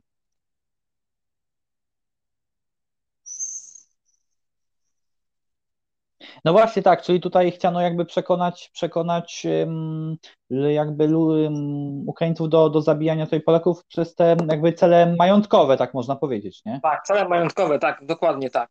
To jak mówię, najprostsze, najprostsze metody, tak? Za wiaderko, za, za dom, za krowę, nie wiem, różne, różne sposoby, ale to było takie najprostsze. Najprymitywsze, tak powiem. Warto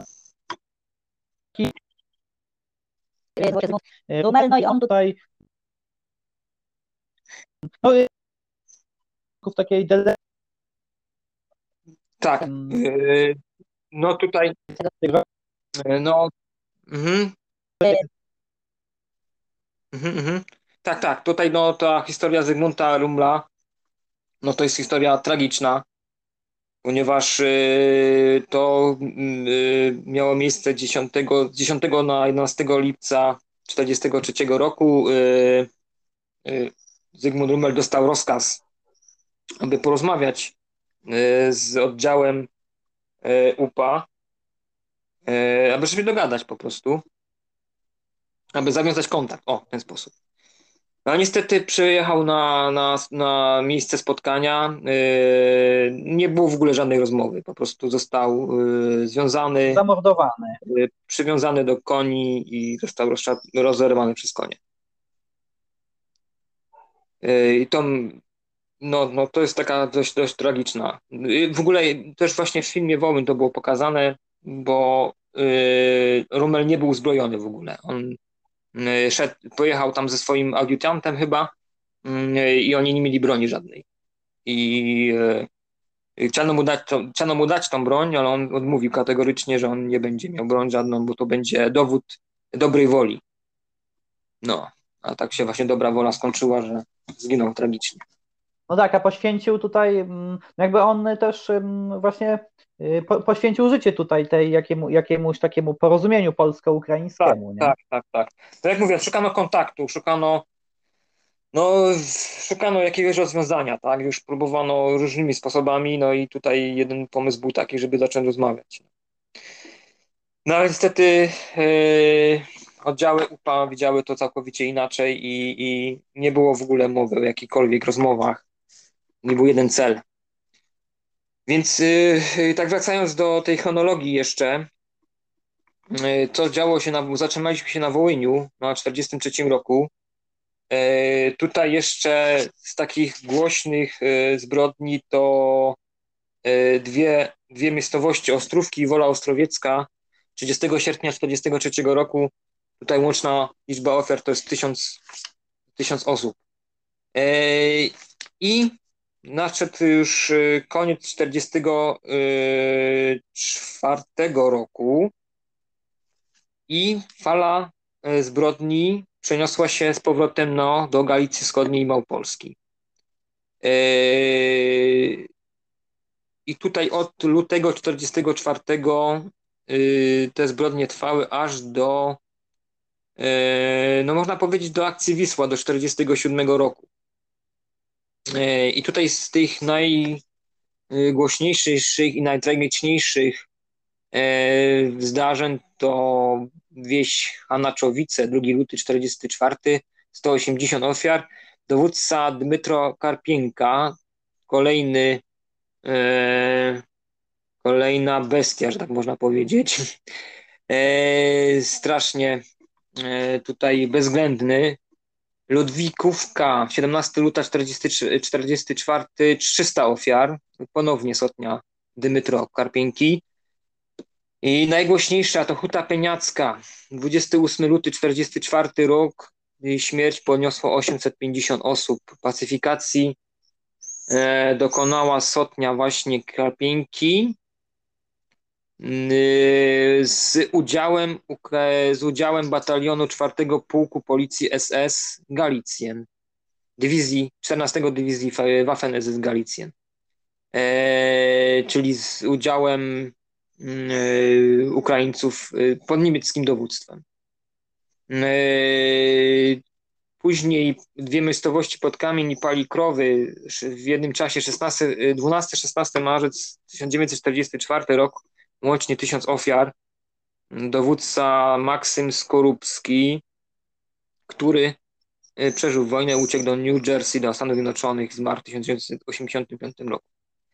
I tutaj znowu y, przy udziale czwartego pułku SS Galicjen. Mm, y, Kuty, to jest 19-21 kwiecień 44, zginęło 200 osób, w tym Polaków, Polacy i Ormianie.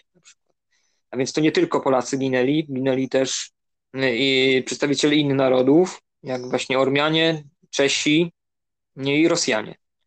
E, no i Żydzi. E, Baryż, 5-6 luty 45 zginęło około 130 Polaków. I, I, tutaj też nie jest tak, że mm, te mordy na przykład w Wołyniu, one zawysały całkowicie. One się tam czasowo już pojawiały, kiedy trwały mordy w Galicji, ale one już nie były takim, takim, takim takim natężeniem, taką siłą. Więc y, tak mniej więcej wyglądała, mm, tak mniej więcej wyglądało ludobójstwo. Trzy fale i co najważniejsze, i tutaj mm, no, do słuchaczy się zwracam bardziej, musimy pamiętać o tym, że, że to ludobójstwo zaczęło się w Małopolsce 17 września tak naprawdę. Że ludobójstwo to nie jest Wołyń. Y, Wołyń, tak, oczywiście największa liczba ofiar, i tutaj jak patrzę, patrzymy sobie na, na liczby, no to samym Wołyniu, na samym Wołyniu yy, zginęło od 50 do 60 tysięcy, yy, gdzie w Galicji i Małopolskie, Małopolsce Wschodniej od 20 do 40 tysięcy. No, a więc większa część ofiar to jest Wołyń, ale ludobójstwo miało miejsce również w Galicji Wschodniej yy, przepraszam, Galicji i Małopolsce Wschodniej. O tym trzeba pamiętać, bo jak mówię, wszyscy mówią rzeź wołyńska, rzeź wołyńska, Wołyń, ale zapominamy o tym przez to, o tych ofiarach mm, w, w innych miejscach, ale o tym trzeba pamiętać, bo, bo, bo to dość ważna sprawa. I jeśli tutaj mowa o liczbach jeszcze ogólnie, różni badacze podają różną liczbę ogólnie ludobójstwa, ofiar. E, e, jedni podają 100 tysięcy, inni podają 200 tysięcy, 250 e, tysięcy, ale jest dość ciekawa wypowiedź, ciekawa wypowiedź, na którą nie tak dawno się spotkałem z prezydenta Ukrainy, pochodzącego z Wołynia, nieżyjącego już Leonida Krawczuka, który powiedział coś takiego. Zacytuję. Nie ukrywamy i nie przemilczamy. W czasie II wojny światowej ukraińscy szowiniści zabili około pół miliona Polaków na Kresach Wschodnich przedwrześniowej Polski. Również przez kilka lat po wojnie płynęły polskie wsie i ginęli ludzie. Szowinizm ukraiński to wrzut na zdrowym ciele ukraińskiego narodu. To wrzut naszego sumienia wobec narodu polskiego.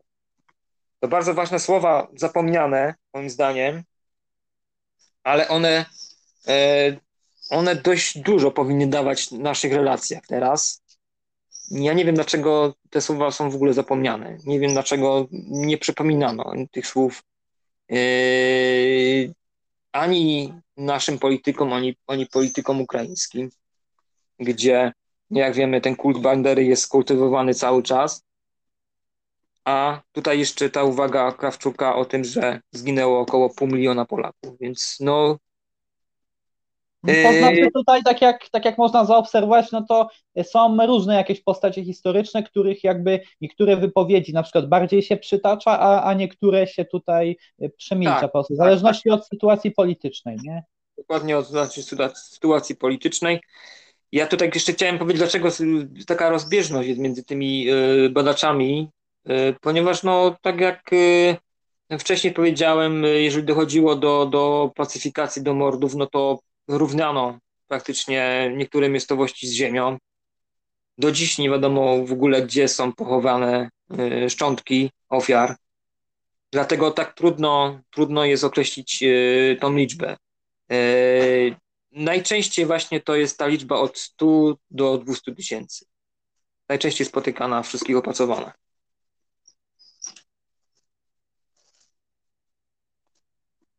No właśnie, no tak, no i tak jak e, tutaj mówię właśnie, no i jeszcze można tak krótko wspomnieć o akcji Wisła tutaj, nie? Jakby o, tak, warto tutaj tak na, na koniec, nie? Yy, aktywistach? Yy, akcji Wisła chodziło mi. Akcji Wisła. Jasne, no tutaj ja, tak. Ja, ja, ja się zrozumiałem, akcji, aktywistach, tak. Ale jeszcze... też na przykład mogło przerwać czy coś. No dobra, jeszcze, jeszcze y, tak, trochę taka dygresja, zanim ja. jeszcze powiem o, o akcji Wisła, y, bo czym jest ludobójstwo? Y, kończąc już, kończąc już ten wątek ludobójstwa. W ogóle całe, całą definicję ludobójstwa stworzył Polak. Nie wiem, czy, czy, czy wiesz, ale ono jakby dzieli się na trzy etapy etap planowania, etap y, wykonania zbrodni i etap zacierania śladów.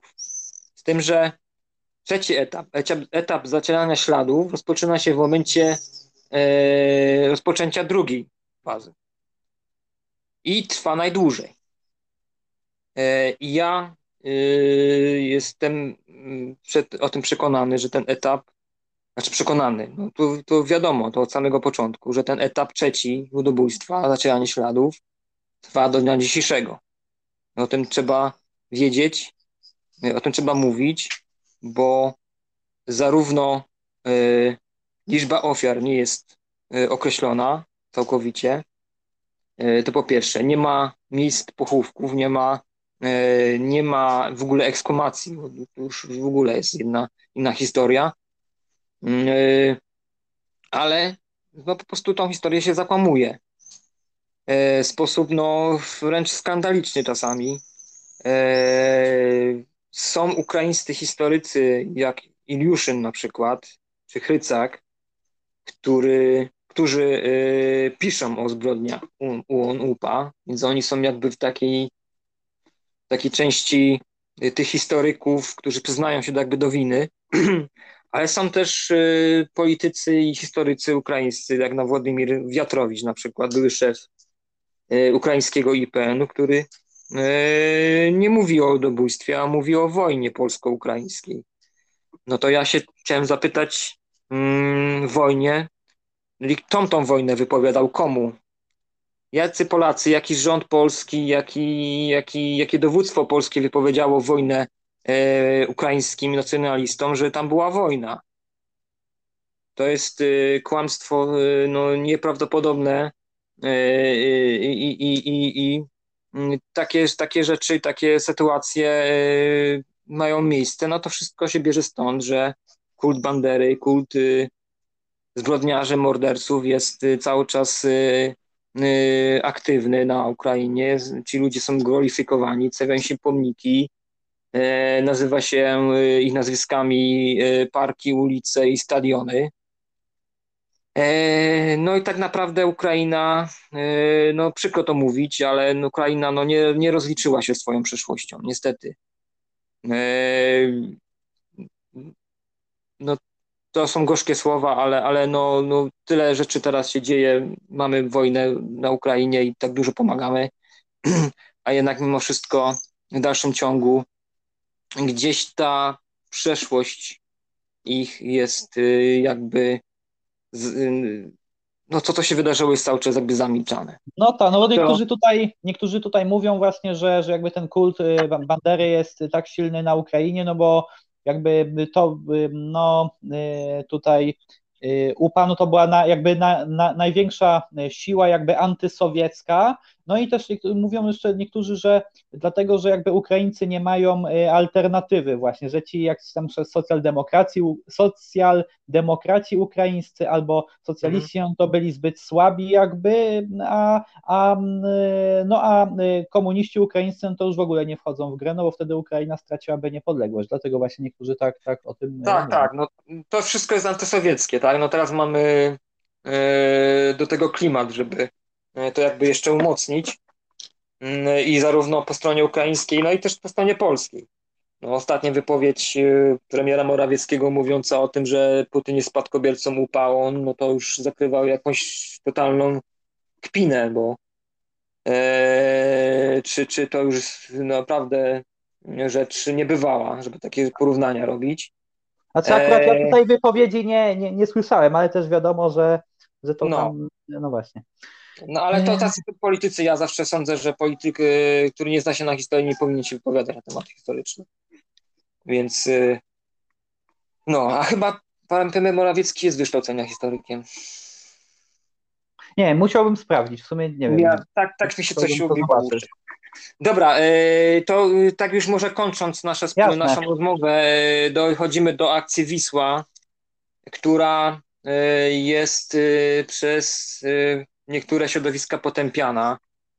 Mm, polski prezydent bodajże chyba Kaczyński i chyba Kwaśniewski też potępili tą akcję i chyba Senat uchwalił jakąś uchwałę E, potępiającą e, akcję Wisła. A co to była akcja Wisła? Akcja Wisła mm, e, miała na celu rozbicie band które po zakończeniu wojny w 1945 roku dość mocno dały się we znaki na terenach granicznych, na terenach Bieszczad dzisiejszych. Y,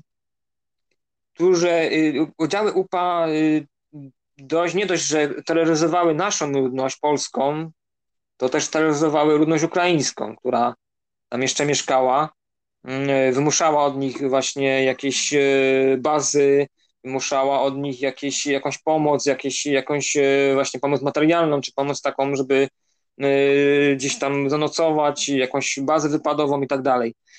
Więc ja generalnie popieram tą akcję.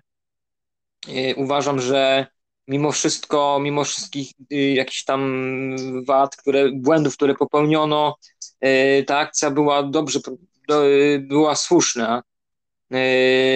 Polegała ona właśnie na przesiedleniu ludności kresowej, która zamieszkiwała tamte tereny na tereny odzyskane, czyli tutaj Śląsk, Dolny Śląsk, przepraszam, Pomorze Szczecińskie, Warnie i Mazury. Więc y, I to y, ona trwała od 28 kwietnia 47 do 31 lipca 47 i dlatego ja wtedy powiedziałem, kiedy o tej falach ludobójstwa, że ona trwała do 47 właśnie z dniem zakończenia akcji Wisła y, te, te mordy jakby ustały. No, oczywiście nie ustały całkowicie, ale, ale to już znacząca, znaczna część tych mordów ustała i, i tych napadów i tych różnych różnych, y, różnych akcji UPA, a, a y, jakby impulsem do, do, do tej akcji była, był zamach na generała Karola Świerczewskiego, który, który miał miejsce 28 marca. Tam zabito generała. Nie pamiętam już, jak nazywała się Sotnia, która uczestniczyła w ataku,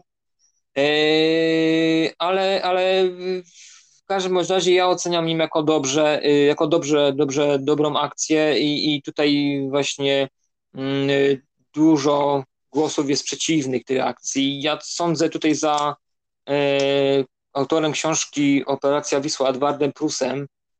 E, powtórzę to, co on powiedział. Jeżeli mm, ktoś domaga się sprawiedliwości dla tych ludzi e, przesiedlonych, to również z taką samą siłą musi się domagać sprawiedliwości e, dla pomordowanych. No to nie ma innego wyjścia po prostu. Jeżeli ktoś e, próbuje jakoś usprawiedliwiać tą, tą, tą operację, no to tą akcję, to, to, to też musi mieć na uwadze to, co, co wydarzyło się w 43, 44. Więc tutaj nie ma o czym mówić w ogóle.